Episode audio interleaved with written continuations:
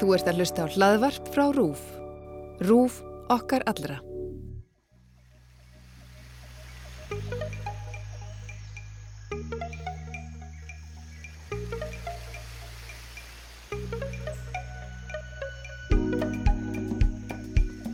Þú ert að hlusta á X21 kostningahlaðvarp RÚF. Nú eru fjórir dagar til kostninga.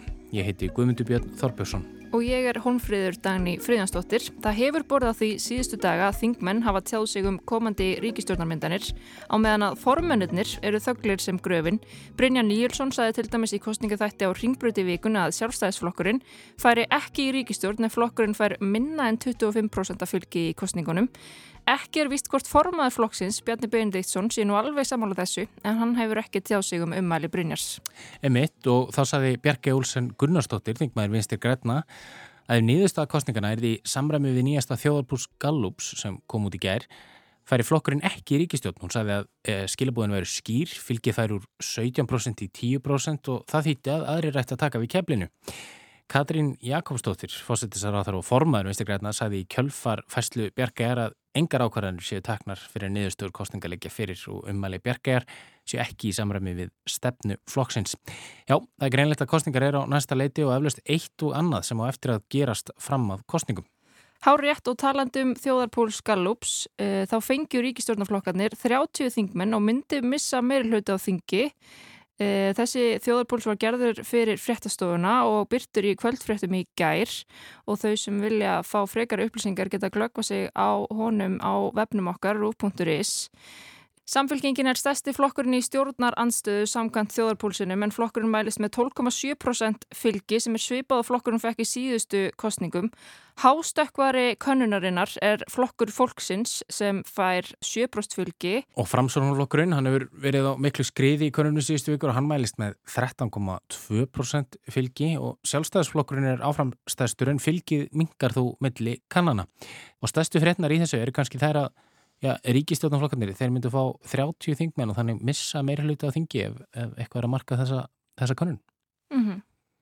Og ef þetta eru niðurstöður kostningana, þá er ekki mögulegt að mynda þryggjaflokkastjórn nema stjórn sjálfstæðisflokksins framsögnar og samfélkingar, en samfélkingin hefur útilokað stjórnar samstarf með sjálfstæðisflokknum. Einmitt, einmitt. Það þýðir að það yrði ekki fjögur að flokkastjórn mynduð án aðkomu sjálfstæðisflokks.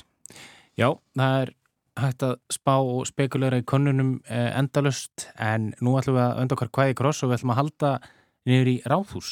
Já, ég er mitt eh, fór þánga aðan og reddi við þau Hildi Lillindal Viggósdóttur og Bjarnar Þórótsson sem eru verkefnastjórar hjá Reykjavíkuborg og þau sjáum framkvæmt kostningana og þau voru mjög spennt fyrir vikunni og kostninganóttinni sjálfuri og þau vonast til þess að það verði búið að tellja öll atkvæðin melli þrjú og fjögur um nóttina í Reykjavík.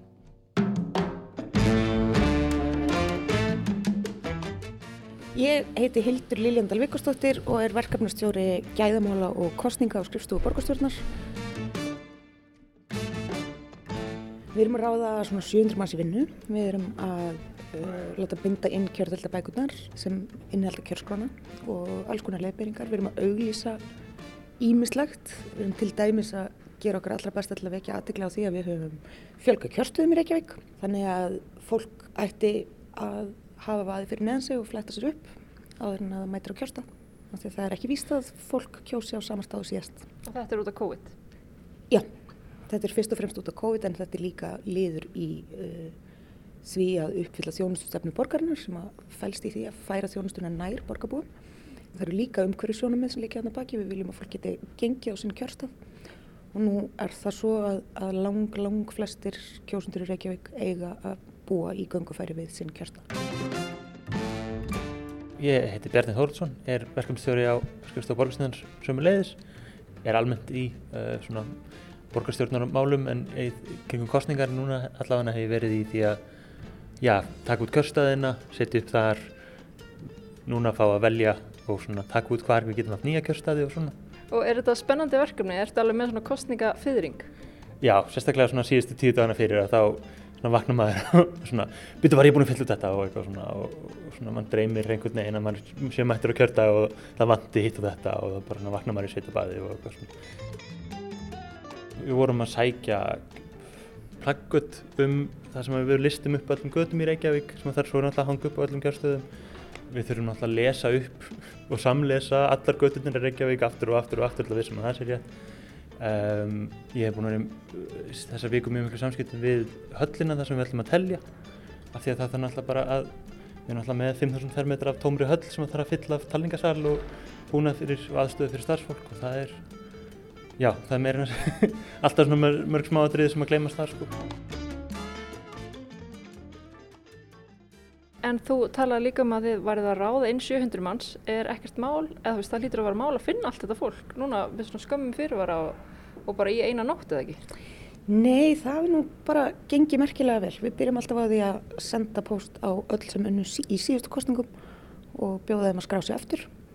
Síðan kemur inn mjög mikið af umsóknum. Þetta er svona, verðist frettast, kemur oft í holum svona mikið af posti.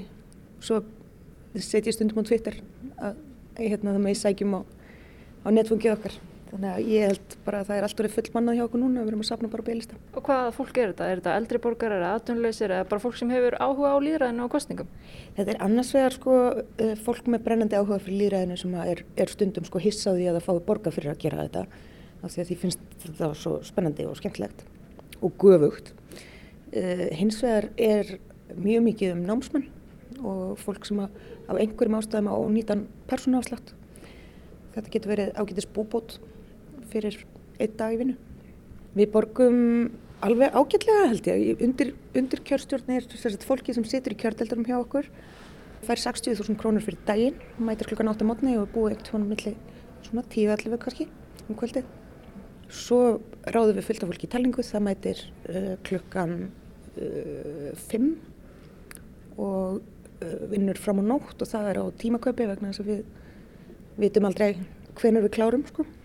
Þau fá 5.000 krónur á tíman, ég held að þetta sé bara ekkert svo slæmt sko. Og það er aldrei sérstættu verkefni, það, það fólk er bara stundum læst inn í tímanum saman eða ekki sem er að tellja?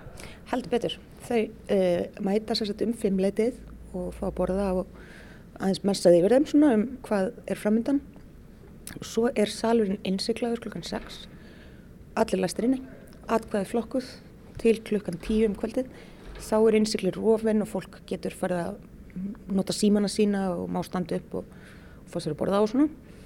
Og eftir það er talningin, hefst talningin formlega og þá er hún, hún er ofinn almenningi og við streymum henni mér þess að erum með, með mjög spennandi slow tv á vef Reykjavík-borgar þessum er bara streymt beint frá talingunni. Þegar ég kom hérna inn og erum, það er búið að setja upp hérna í, í ráðhúsinu kjörklefa bara alveg tilbúið, hvar eru þessir kjörklefar geimdir?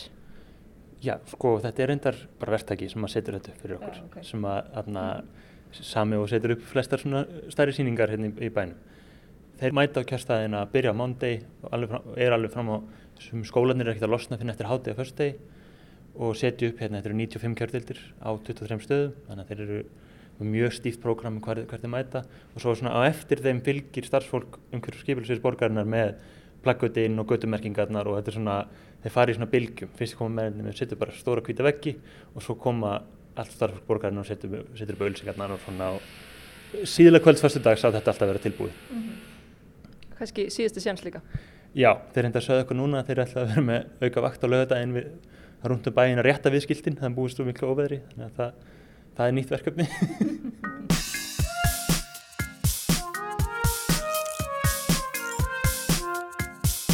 En uh, ég sá um þetta á Twitter í gæðir, þú settir inn að þið varðið meðal annars að líma fyrir gluggana á einhver merki og eitthvað. Getur þú sagt okkur aðeins frá því? Já, það snýst bara um áraður og kjörstað, hann er bannaður og við höfum tólkað það þannig að allt í beinni sjónlínu við kjörstaðinn sem að getur tólkast sem áraður. Uh, það sé bara eitthvað sem við þurfum að fjarlæga. Og við höfum þurft að setja svarta plastboka yfir auglýsingaskildi á miðum kjördegi og svona hitt og þetta í gegnum tíðina. Og eitt af því sem við þurfum alltaf að gera er að líma yfir uh, svona rauða bletti sem að eru rauða punta sem eru á öllum glerhurðum ingöngum ráðusins sem eru held ég bara hugsaðir fyrir sjóndabra og til þess að fugglarnir fljúi ekki á glerin og svona. En þetta bara líkist ískikilega mikið uh, merki einnar stjórnmálhreyfingar og þannig að við gerum, gerum okkar basta til þess að hilja það á kjördag.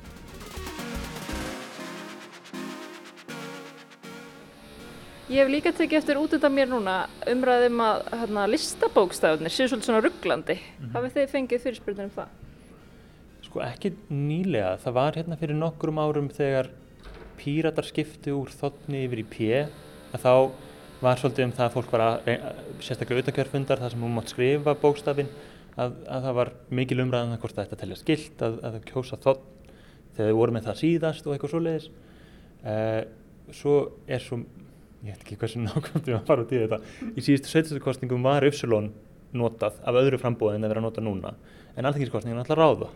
Ef það er búið að nota bókstafi í alþengiskostningum að það má ekki nota hann aftur í neinum öðrum kostningum fyrir neitt annað frambóð nema það frambóð en ég veit til dæmis að, að sko íbúrhefingin í Mósusbæ misti emmið þegar miðflokkurinn kom þetta þau alltaf bara verið í sveitistakostningum og núna er ábyrg framtíð með Upsilon sem að ég held að kallalistin hafi verið með í setjumkostingunum en þetta er allt eitthvað sem að ráðinitið náttúrulega bara auglýsir tímanlega og fólk þarf að sækja um það sérstaklega mm -hmm. þannig að já, þetta er eitt af þessum hlutum sem að ég veit ekki hvort það sé rauglingslegt af því að þetta er svo mikið sem við vinnum svo mikið með þannig að þetta virkar svolítið eðlilegt hér en mm. Já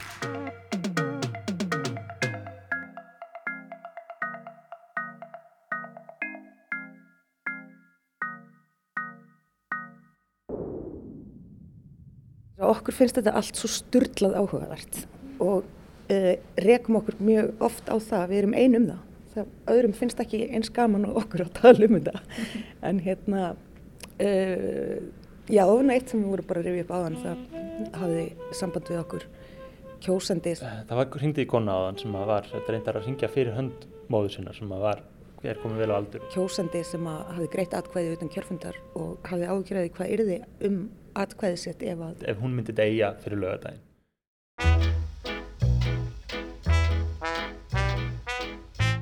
Það er bara svona tilturlega dæmigerð fyrirspurn sem við fáum svona í aðdraganda kostninga. Þannig að konur hringdi og, og vildi fá nákvæmlýsing á því hvað er gert við atkvæðinar, hvort það væri vafa, hvort það væri bara ógild. En svarið við henni er það að ef að okkur berast upplýsingar um það að manneskjan hafi látist fyrir kjördag þá strykum við hana út úr kjörskróni. Af því að þú veist hvernig þetta raðast upp í kjörtildinni að það síðasta sem þau gera yfir daginn klukkan tíu er að, að merkja endanlega við utkjörfundaratskvæðin og setja það í kassana því að fólk má náttúrulega koma og kjósa þó það sé búið að kjósa utkjörfundar. Í rauninni í lókdags myndu þau sjá, já nei ég get ekki mert þess að mannesku það búið að króta yfir hana að því hún lést myndli viðmjöndags kjörskrár og kjördags. Og utkjörfundaratskvæði verður ógilt. Það er reyndar ekki þannig ógilt, heldur væri það bara eins og mannskinn hefði raunin ekki kosið af því að hún alltaf mátt ekki kjósa verandi dáin. Þetta er mjög svona andstyggileg framkvæmt hjá okkur á förstaskvöldi daginn fyrir kjördag að setjast niður með alla bækurnar og stryka yfir fólk sem hefur látist. En þetta er eitthvað sem þarf að gera.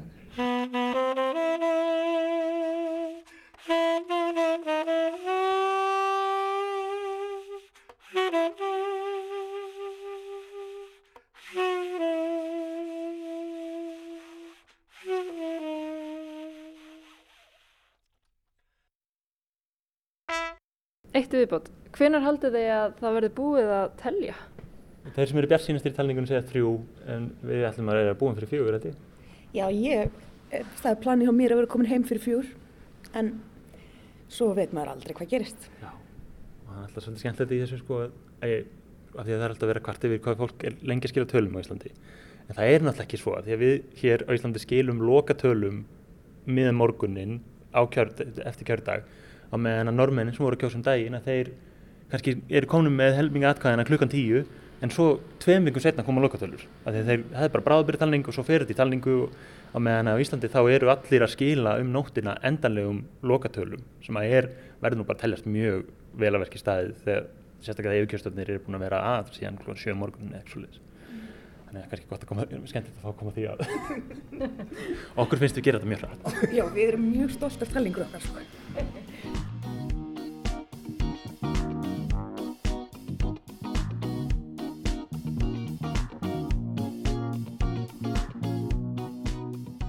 Þau Hildur og Bjarni eru meðal þeirra sem starfa á bakvið tjöldin og sjá til þess að kostningarnar gangi snurulöst fyrir sig.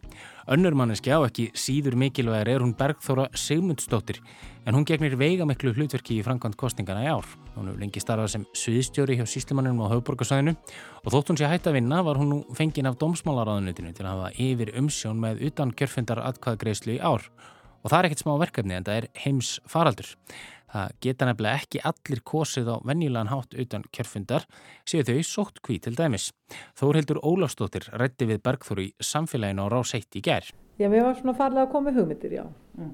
Og uh, maður leita náttúrulega til þeirra sem að, maður veit að eru sérfræðingar á ýmsum sviðum og fær hugmyndir og setur það saman og og við erum ansi mörg sem hafa komið að þessum hugmyndu sem eru hérna núna. Þetta er ekki fyrstu kostningar Bergþóru en hún segir að þessar séu með þeim sérstugustu þó ekki þær sérstugustu og hún segir að fórsetakostningarnar í fyrra hafi verið aðeins meira vesen en það voru þær skipulaðar með mun stittri fyrirvara. Núna aftur móti er þetta nokkuð sem við vitum er góðum fyrirvara. Mm.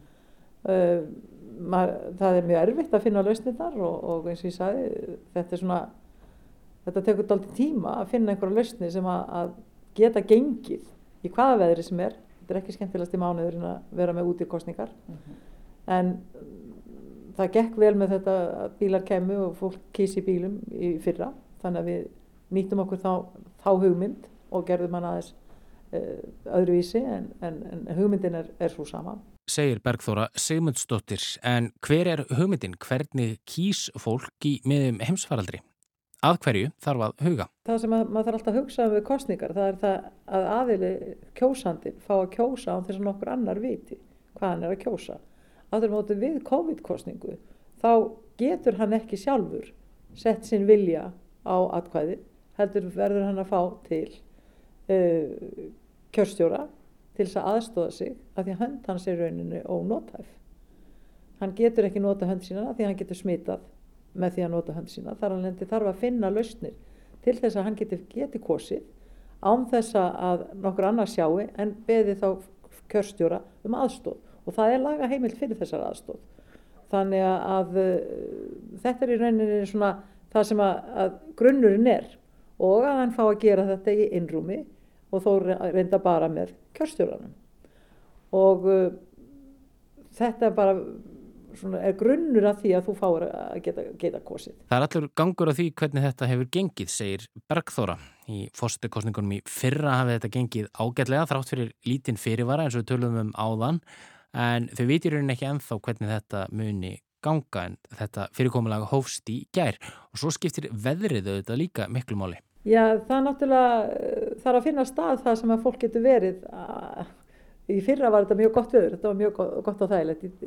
Haustin er alltaf regning og rók og ef að þú ert einhver starf fyrir utan einhvern stað þar sem aðal er að kjósa þá er, er mjög erfitt að passa upp á það að, að gera búa til aðstöðu þannig að, að það far ekki uh, fjúkja ekki allt og, og regni niður kjörsælinum og, og annars líkt. Þannig að það þarf að, það þarf að gera aðstöðun og þannig að hún sé svo þokkaleg þannig að kjörstjóri geti aðstofað kjósandan til þess að kjósa. Og það er að ymsu að huga, það þarf að huga að búnaði og öllu þessu og þetta þarf að senda át um land allt. Bergþóra er sannarlega konan á bakvið tjöldin. Já, þetta er náttúrulega bara réttur fólks, þannig að það er náttúrulega stjórnvalda að sjá til þess að fólk geti kosi mm.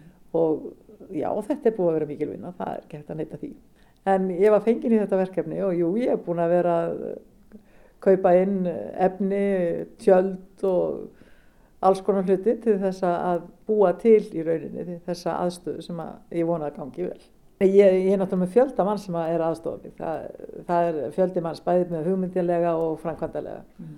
og þetta, engin einn getur gert svona, það er bara þannig. Mm. Og, og hérna, en, en ég þarf svona að passa upp á allir endarnir smelli síðan saman og þetta er verið að senda þetta út á land til allra síslumanna þennan búna og uh, það er líka höfverkur hvernig að senda á milli landa og reynda le leistist allt saman mjög vel og, og síslumenn fá sinn búnað fyrir, fyrir þann tíma sem það þarf að nota mm -hmm. þannig að það snýst náttúrulega málið. Þannig að já, þetta gekk nokkuð vel bara.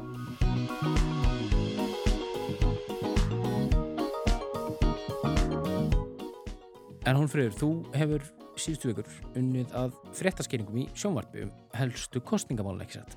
Jú, ymitt, ég fekk það verkefni í september samlega þessu hlaðvarpi að gera umfjöldunum helstu kostningamálinn fyrir sjómasfréttinnar og rannsóknarspurningin þar innan gæsalappa er einfallega hvað þarf að gera á næsta kjörtímabili og við tókum fyrir sex málefni og við ætlum að fara yfir þrjú þeirra hér í dag og þrjú á fymtudaginn. Heilbreyðismálinn eru efstablaði samkvæmt flestum könnunum og við sáum í Gallup könnuninni í gær að það er efstablaði hjá kjósandum þvert á flokka. Já, COVID hlýtur nú að hafa komið eh, þarna eitthvað að, ekki satt? Jú, það sannarlega kom þessu málefni svolítið á kortið en þetta er nú vannilega frekar stort kostningamál. Emitt. Sérstaklega síðasta bylgjan kannski, hún kom á versta tíma og við herðum þarna reglulega fréttur um mikið álag á spítalanum.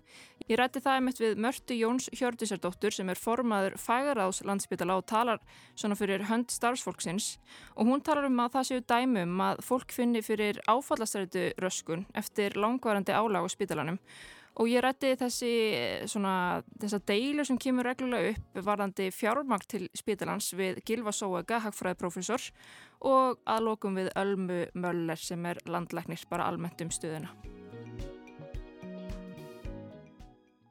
Þetta er ekki í fyrsta ég síðasta sinn sem Arnheiður klæðir sig í hlýðabúningin. Hún er hjúgrunarfræðingur á Gjörgæslun í Fossvogi. Þetta er heitt, þetta er langi dagar. Það, maður er ofta að vinna töfalt og taka á sig auka. Hættu eða neyðar ástand, fráflæðis og útskriftarvandi, fjársvelti, álag og lang þreita. Svona hefur vanda heilbreyðskerfisins verið líst undan farin misseri. Því fólk segir bara já, ég held að við séum bara öll komið einhvers konar áfallastreitu eftir þetta, við erum öll hrætt.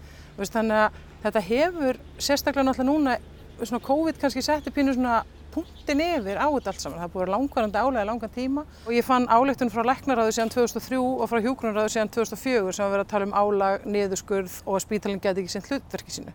Síðan árið 2003 er búið að kjósa sex sinnum til alþingis og enn á nýjur heilbríðismálinn ofarlega í hugumargra þegar líða fyrir að kjördegi. Bara almennt áhyggjur auðvitað mönnun í Þetta er nú að Þórólfur, ekki ignorera ég hann. Hæ, heyrðu, ég er koni viðtal. Alma hefur lengi haft áhyggjur af mönnuninni í heilbriðskerfinu. Þetta er ekki sér Íslandst vandamál en hér á Íslandi starfa í kringum 40-65% heilbriðsmentaðara innan heilbriðskerfisins. Heilbriðsráð þeirra stopnaði nýverið landsráð um mönnun og mentun í heilbriðsþjónustu sem er ætlað að skoða málinn með heildstæðum hætti. Landlagnir segir að taka verði á málinu strax. Hvað þarf til að fá inn fólk sem hefur hætt í hverju snýst það og eins og ég segi það getur verið vinnurskeipulag og stjórnun og kjör og annað. Ríkistjórnin hefur lagt áherslu á að færa álægið framar í þjónustukeðuna með það markmið að draga úr sjúgrósinnlögnum. Heima þjónusta hefur verið aukin og dagdvalarýmum hefur verið fjölgað um 100 á kjörtímabilinu. Nýtt hjúgrunarheimili með um 100 hjúgrunarrýmum var opnað á Sléttuvegi í Reykjavík í fyrra vor sem bætti ástandið um stund á landsbítala en þau rými voru fljótað fyllast. Á síðasta ári byði um 500 sjúklingar á spítalanum eftir að komast í viðeðandi úrræði að meðaltali í tvo mánuði. Sólarhengslega á bráðalegu deilt kostar um 100 til 200 þúsund á hvert sjúkling. Það aftur endur speiklar bara hvað við erum á eftir með að skipuleggja þjónustu og fjölbreytt úrræði við þannig vaksandi hóp aldraðra. Fyrir um einu og halvu ári, rétt fyrir heimsvaraldur, beindi landlæknir því til heilbriðisrið þeirra að ljóst væri að það væri skiptar skoðanir melli forstjóru og yfirvalda um fjárþörf og rekstur spítala.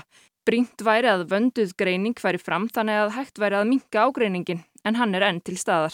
Ég hef ekki þá trú að þetta verði engungu leist með því að skrifa Uh, háa ávísun og afhenda inn í kerfið. Við erum með spítala sem er ekki á láttum lægra verði Þetta eru sambarlega spítalega ellendist. Mér finnst leitt að menn svona skul ekki geta komið sér niður á sameinlega sín á það. Ég held að stóra myndin sé svo að útgjöld hafa aukist einhver vegna þess að laun starfsfólksins hafa hækkað. Þegar maður leiðir þetta fyrir uh, hækkun launa þá sé ríkið að kaupa minni þjónustu af spítalanum heldur en áður. Þannig að það hefur þurft að herða sultaróluna í reksturinnum með minni þjónustu sem kemur fram á ýmsan hátt sem að starfsfólki kvartar undan.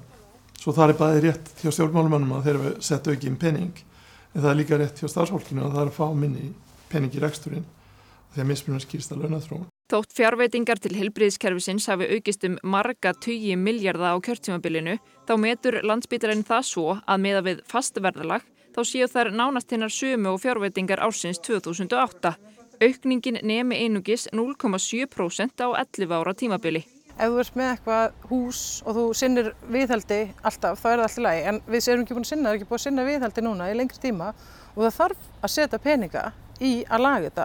Og eins og við talaðum um að það sé ekki fjármögnunavandi heldur mönnunavandi. Þetta er að sama. Það er ekki mönnun af því það er ekki fjármagn. Það skiptir máli hvernig þið farið með peningana og rekstur í helbyrðiskerfinu. Þannig erum við með flókinkerfi þar sem að hagsmunni fari ekki allir saman og sérfræðingarnir vita allt um þjónustuna og við viðskiptavinnir vitum mjög lítið og þriði aðli borgar sem er skattgreðendur. Svo í öllum löndum er þetta mjög erfiður málaflokkur að eiga við. Ég held að séu allir sammála um að það þarf að bæta í en auðvitað þarf að vanda mjög vel til hvernig það er gert og hvernig það er nýtt. Ég held að við erum að byrja á því að viðkjanna vandan og síðan að markvista að vinna að því að, að bæta. Alma segir ljóst að faraldurinn hafi hægt á umbútum í heilbriðskerfinu. Um miðjan mánuðin sendur ráð þeirra minnisblad þar sem hún ítrekkar það sem bent hefur verið á til fjölda ára að gjörgæslu plássi og fá hér á landi eða þrjú til fjögur á hverja 100.000 íbúa meðaltalið í Evrópu er nýju pláss á jafnmarga íbúa. Erstu þreytt á að vera alltaf að benda á sumi vandamáli? Já, það er þetta auðvitað líast maður aðeins en, en það þýðir ekkert að gefast upp og, og ég held áfram að benda á sömu hlutina ef að, ef að þeir eru eins. Auðvitað bind ég voni til að það verði tekið á þessum málum af krafti bæði fyrir og eftir kostningar.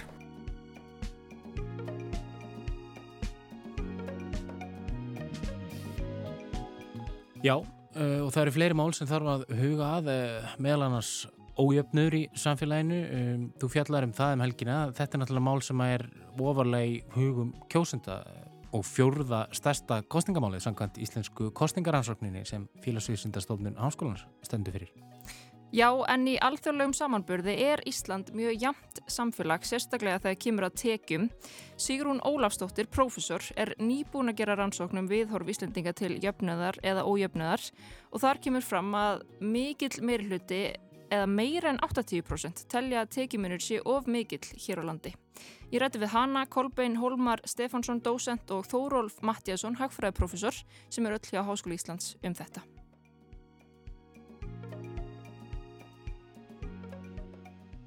Kjaramál meðal annars ójöfnuður er eitt af fjórum stóru kostningamálunum sangat íslensku kostningaransókninni. Þetta virðist vera mjög ofal á fórgáðsöðu kjósenda í þessum kostningum og, og kannski mörgum sem að finnst það aldrei sérkennilegt í ljósi þess að svona heildarmyndin, heilt yfir, er Ísland til dæla jæmt samfélag. Ég mun ójöfnuður er klárlega til staðar í íslensku samfélagi.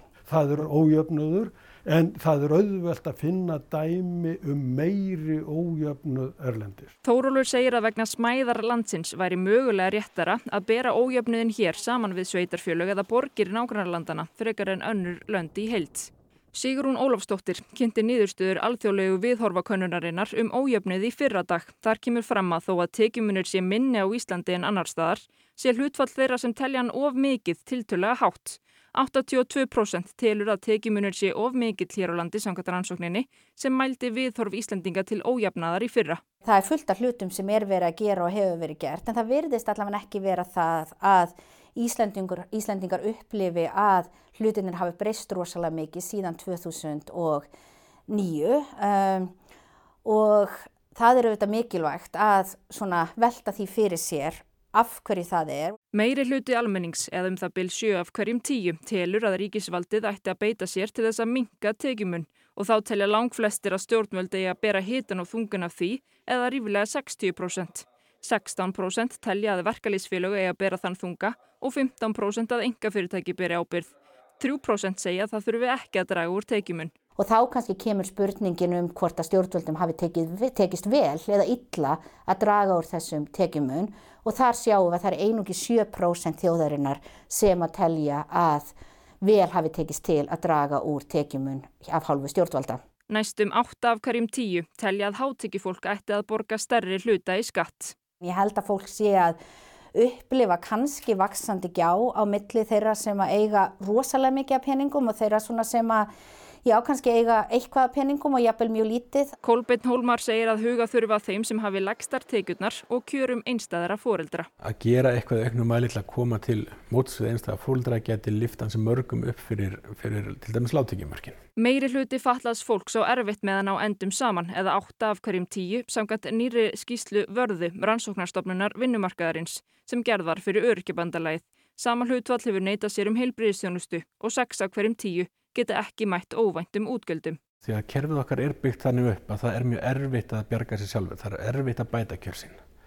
Þannig að það er alveg klart dæmi um fátættagildri. Þetta þarf að laga, það þarf að flýtja þessi skerðingar mörgu miklu hærra upp, það þarf að gera aðra rástafanir til að takast á við það tekjufatt sem að því fylgir fyrir ríkisjóð en uh, það er bara úrlausnarefni og handavinna fyrir hagfræðinga og stjórnmálamenn og þeir ætti að vinda bráðan bugaði að gera það vegna þess að mér finnst það smánarblettur á uh, íslenska efnagaskerfinu að senda uh, reikning með 70% jáðarskatti til þeirra sem að, að, að höllustum fæti standa í, í þjóðfélagin okkar sko varðar kjöru öryrkja þá er mjög erfitt að sjá að það sé hægt að leiðrétta þau dag til, til jáfnveg það sem ætti að vera miða við prinsipin sem er líkjörlega grundvölda lögunum uh, en það sem þurft að gera væri að búa til einhvers konar langtíma áallin með, með viðtakari sátt um það hvernig við ætlum á einhverju tiltegum tímabili að ná öryrkjum á þann stað sem þeir eiga að vera í samfélaginu. Þetta eru ekki alveg einföld mála að leysa. E og það krefst ákveðins kjarks að gera það. Það er verið að flytja frá fjármunni frá mörgum til e, minni hóps og ef að meðan fara að reikna það í atkvæðum þá getur verið að mönnum finnist það erfitt. Sigrun segir líklegt að eftir hrunið séu Íslendingar meðvitaðari um ójöfnuð í samfélaginu. Við sjáum alveg Íslendingar meta samfélagið réttilega tiltöla jæmt Þannig að það eru rosalega fáir sem að til dæmis segja að það sé alveg rosalega mikil ójöfnir hér. En við sjáum líka, við viljum það enn jafnara. Þannig að við þurfum alltaf að hafa þetta í huga og bara að því að við komum vel út í alþjóðlegum samanburði, þá er ekkert sem segir að við viljum hugsalega ekki hafa meiri jöfnir.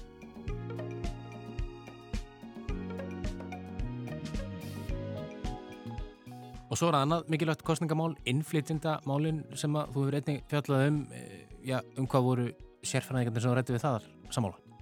Þau voru á því að þurfti að stórbæta íslensku kjænslu og gera hana skilverkari og aðgengilegri 40% fólks á atvinnleysinskrá er á erlendum uppruna og sérfræðingarnar sem við rættum við telja tungumáli sem meðal annars það sem aftri fólkinu að fá framgang á vinnumarkaði. Ég rætti við Nikól Lei Mósti, forstuðumann fjölmenningasetturs, Alla Viðar Torstensen, sviðstjóra hjá Hjalpar og Mannauðs sviði Rauðakross Íslands og Georg Hannei sem hefur búið hér í meirinn áratug en líður samt alltaf eins og hans sé útlendingur samt sem aður.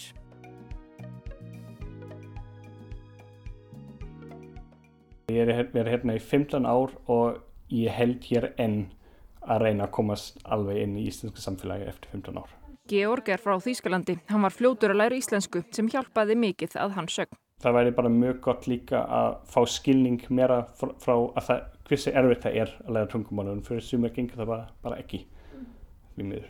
Betri og aðgengilegri íslensku kjænsla er ymmit atriði sem mætti bæta á næsta kjörtímabili að mati þeirra sem starfa með innflytendum gera hana kannski markværsari og auka gæði og auka aðgengi sumulegðis.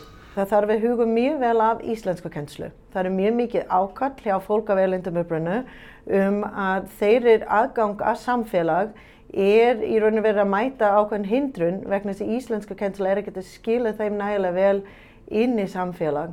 Innflytendum hefur fjölgað mikið hér á landi síðastlina áratugi. Á síðustu tíu árum hefur fjöldi þeirra nær tvöfaldast og nú eru erlendir ríkisborgarar um 14% þjóðarinnar.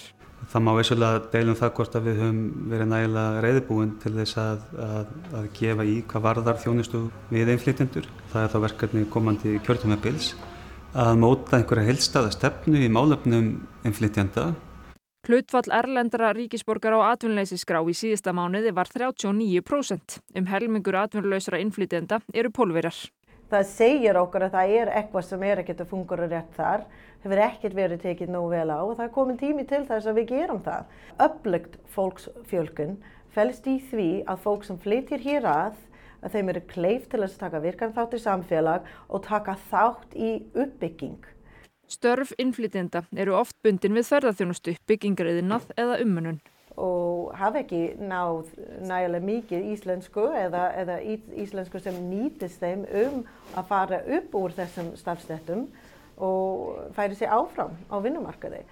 Og hvað eigum við að gera? Hvernig koma þeim í hérna, önnur, önnur starfstett? Er, er, er íslensku kennslu bara eina leið? Er þetta kannski til þess að endur skoða hvernig við metum nám og fyrir reynslu fólksins og að það nýtist þeim betur? Brottfall úr framhaldsskólanámi er meira meðal nefnda verlendum uppruna en annara nefnda. Við því hefur verið reynd að breyðast með leiðarvísi við stuðningum móðurmál og virt fjöldtingi í skólum og drögum að stefnu um mentun barna og ungmenna með fjölbreyttan tungumál og menningarlegan bakgrunn. Nicole segir að margt megi bæta fyrir börn innflytenda. Ófáur hérna, nefndu af erlendum uppruna sem hefur komið upp í gegnum skólakerfi hér er að skilja sig inn í háskólar. Við þurfum aðlaga kennslu aðferður af þessar nefnduhóp, ekki aðlaga fólk af kerfið. Svo er það málefni flóttafólks og þeirra sem sækjum alþjóðlega vernd hér á landi. 205 hafa komið hinga sem kvótaflóttamenn á kjörtímabilinu að meðtöldum fjölskyldum sem komu hinga til lands frá Sýrlandi í síðustu viku. Það eru fyrstu kvótaflóttamennir sem hingað koma frá því að heimsfaraldurinn brust út og þau fara í gegnum samrænda móttöku flóttafólk sem var sett upp á kjörtímanbílinu. Stemt var að því að taka móti 85 flóttamönnum í fyrra en 100 í ár.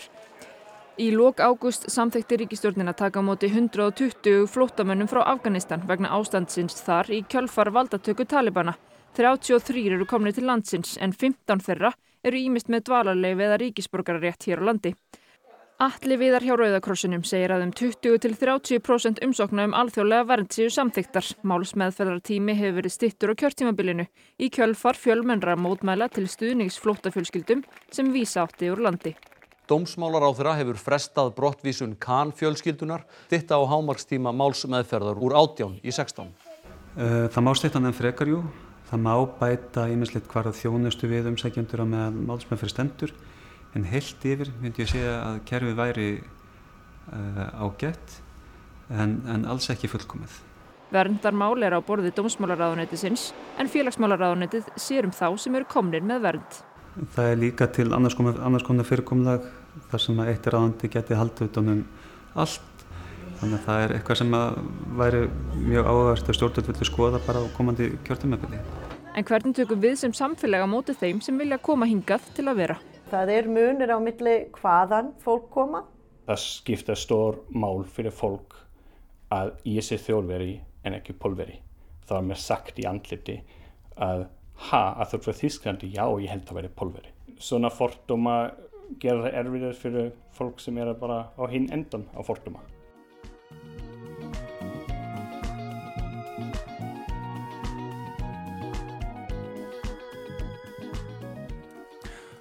Og fymtudaginn þá ætlum við að halda áfram að skoða þessi stærstu kostningamál og förum þá yfir mentamálin, efnahagsmálin og loftslagsmálin. En á morgun, Hólfrýður, þá koma til okkur góði gistir, ekki sett? Jú, hár rétt, Bóji Águstsson, fréttamaður hér og Ólafur Þótt Harðarsson, stjórnmálafræðiprofessor. Þeir ætla að koma hérna til okkar og spá í spilin og svona fara yfir hvernig þeirra vika lítur út, hvað þeir eru að gera til að undirbúa sig undir langa kostninganótt og svo að sjálfsögðu fara yfir svona helstu kannanir.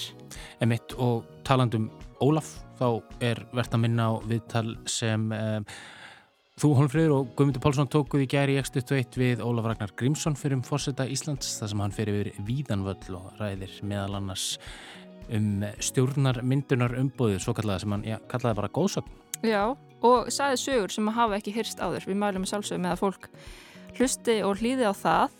Þið tjekkið á því, en X21 verður ekki lengra í dag.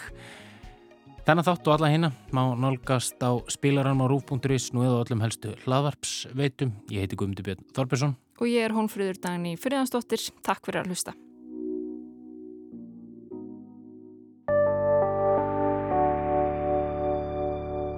Rúf okkar allra.